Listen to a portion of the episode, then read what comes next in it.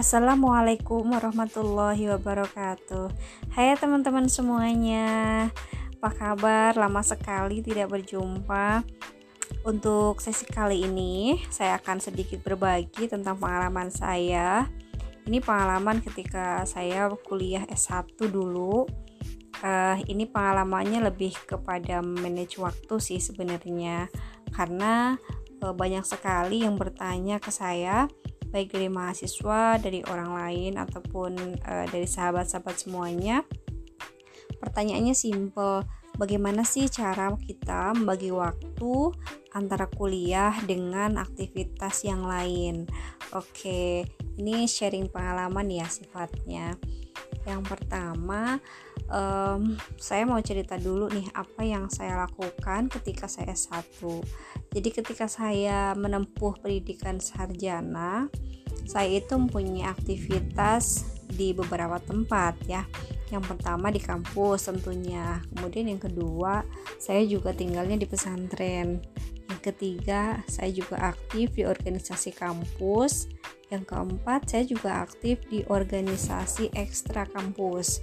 Oke, ada empat kegiatan uh, yang saya jalani. Dan satu lagi, saya juga aktif mengajar private di semester-semester akhir uh, serta ngajar TPQ ya. TPQ itu ngajar ngaji gitu di masjid. Nah, jadi uh, dari sini ada lima kegiatan yang saya jalani ketika saya menempuh pendidikan S1 kebayang nggak nih uh, lima kegiatan kemudian uh, ada mimpi lulus tepat waktu. Oke kita kupas bersama-sama. Yang pertama dulu yang selalu aku lakuin uh, agar bisa lima-limanya ini berjalan dengan baik itu yang pertama kita harus wajib komitmen dengan jadwal yang kita buat. Nah ada jadwal macam-macam yang memang sudah paten ya. Ada jadwal kuliah dan ada jadwal ngaji. Ada dua jadwal ini yang sudah paten. Nah dari dua ini aku jaga komitmen. Kalau waktunya ngaji aku ngaji. Kalau waktunya kuliah aku kuliah. Udah kan? Nah masih ada sisa nih sisa waktu. Jadi waktu itu memang siang aku gunakan aku gunain waktunya untuk di kampus. Kalau malam uh, aku gunain waktunya untuk di pesantren. Uh, kalau di pesantren itu kebetulan jam 6 sore itu harus harus banget udah di pondok. Dan lo, lokasinya pun jauh kan dari kampus sehingga harus um, memprediksikan waktu kapan nih aku harus pulang dari kampus sehingga sampai pondok itu nggak nggak melebihi jam pondok. Nah uh, waktu itu kalau sudah dua-duanya aku komitmen kan ada spare waktu kosong nih. Nah ada kegiatan kegiatan-kegiatan yang sifatnya insidental kan dari organisasi yang kita ikutin. Nah dari kegiatan itu kita pilih juga mana yang memang kegiatannya itu penting dan mana yang kegiatannya itu uh, sekiranya nggak penting. Contoh nih kegiatan yang nggak penting misalnya rapat tapi rapatnya tuh nggak jelas gitu ya nggak penting-penting amat atau hanya sekedar kumpul-kumpul aja sama anak-anak. Nah kalau yang seperti itu biasanya uh, aku nggak berangkat.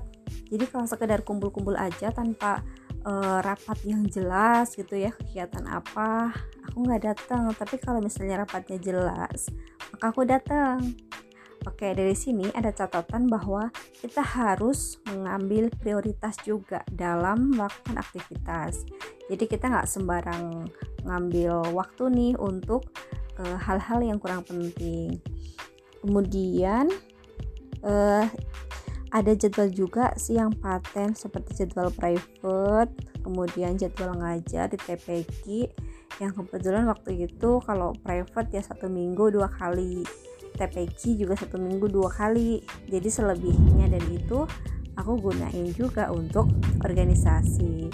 Nah organisasi apa sih yang aku ikutin waktu S1 eh, waktu S1 saya tuh ikut kegiatan uh, ekstra kampusnya di ya organisasi Islam gitulah ya di kampus uh, yang ekstra itu ya. Kemudian aku juga ikut organisasi uh, semacam kerukunan umat beragama di kabupaten di tempat kampus aku belajar. Kemudian kalau di intra kampus aku ikut uh, kayak kalau sekarang tuh BEM gitu ya BEM. Nah aku ikut BEM dari semester 3 sampai semester akhir. Jadi aktif di intra kampus itu dari semester 3 kan baru boleh semester 3 kan nah dari semester 3 sampai semester akhir aku aktif di sana. Terus juga uh, ada sekolah kepenulisan waktu itu. Aku juga aktif uh, menulis ya nggak cuman berorganisasi. Aku aktif nulis waktu itu um, nulisnya ya cerpen puisi esai dan kebetulan uh, selain motivasi untuk uh, mendapatkan dana tambahan ya dari kampus uh, ada juga nih motivasi yang selalu aku tanamkan ya sampai sekarang kalau kita ingin dikenal oleh banyak orang, kalau kita, ingin meninggalkan sesuatu, kelak ketika kita uh, tidak ada, maka kita harus meninggalkan karya.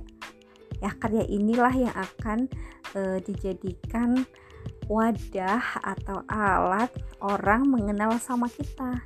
Nah, aku pingin dikenal aja sih sama orang waktu itu. Jadi oh ya udah aku nulis aja aku aku nulis aku ikut lomba jadi e, dari sini aku bisa punya banyak teman ya kemudian ketika ada event-event nasional juga kita ketemu sama banyak orang ya kan? E, ketemu banyak mahasiswa di kampus-kampus lain juga yang datang di event itu. Nah dari sini um, rasanya tuh senang banget gitu ya. Kan punya jejaring-jejaring yang baru ya. Jadi wah um, pokoknya seru lah. Menurut menurut aku tuh seru.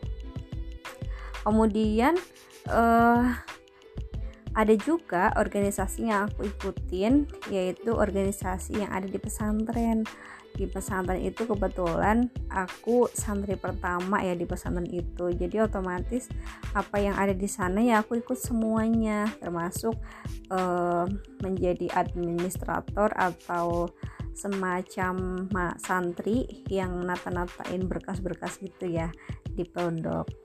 Uh, kemudian ada juga aktivitas santri namanya uh, Lutfun Naja. Aku juga ikut main hadroh gitu ya. Kemudian ada pondok pena. Pondok pena juga ini ya uh, aktivitasnya tulis menulis. Jadi uh, saling membantu nih antara pondok dengan kampus sebanyak itu aku punya tekad waktu itu untuk tetap lulus tepat waktu dan alhamdulillahnya aku juga lulus tepat waktu di mana waktu itu uh, di kelas aku di angkatan pertama wisuda hanya aku aku doang yang lulus gitu.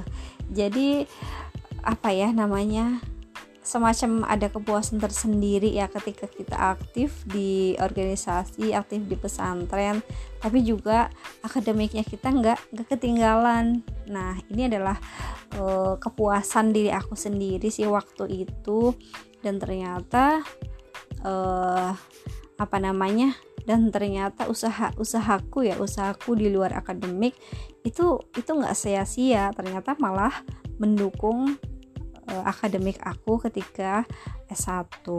Nah, bagi teman-teman semuanya yang memang aktif organisasi di kampus gitu ya kemudian tinggal juga di pesantren atau asrama ya atau apa pun lah e, semacamnya ya yang memang ada kegiatan juga selain di kampus itu pinter-pinter memanage waktu dengan yang pertama itu selalu komitmen terhadap jadwal yang memang kita miliki.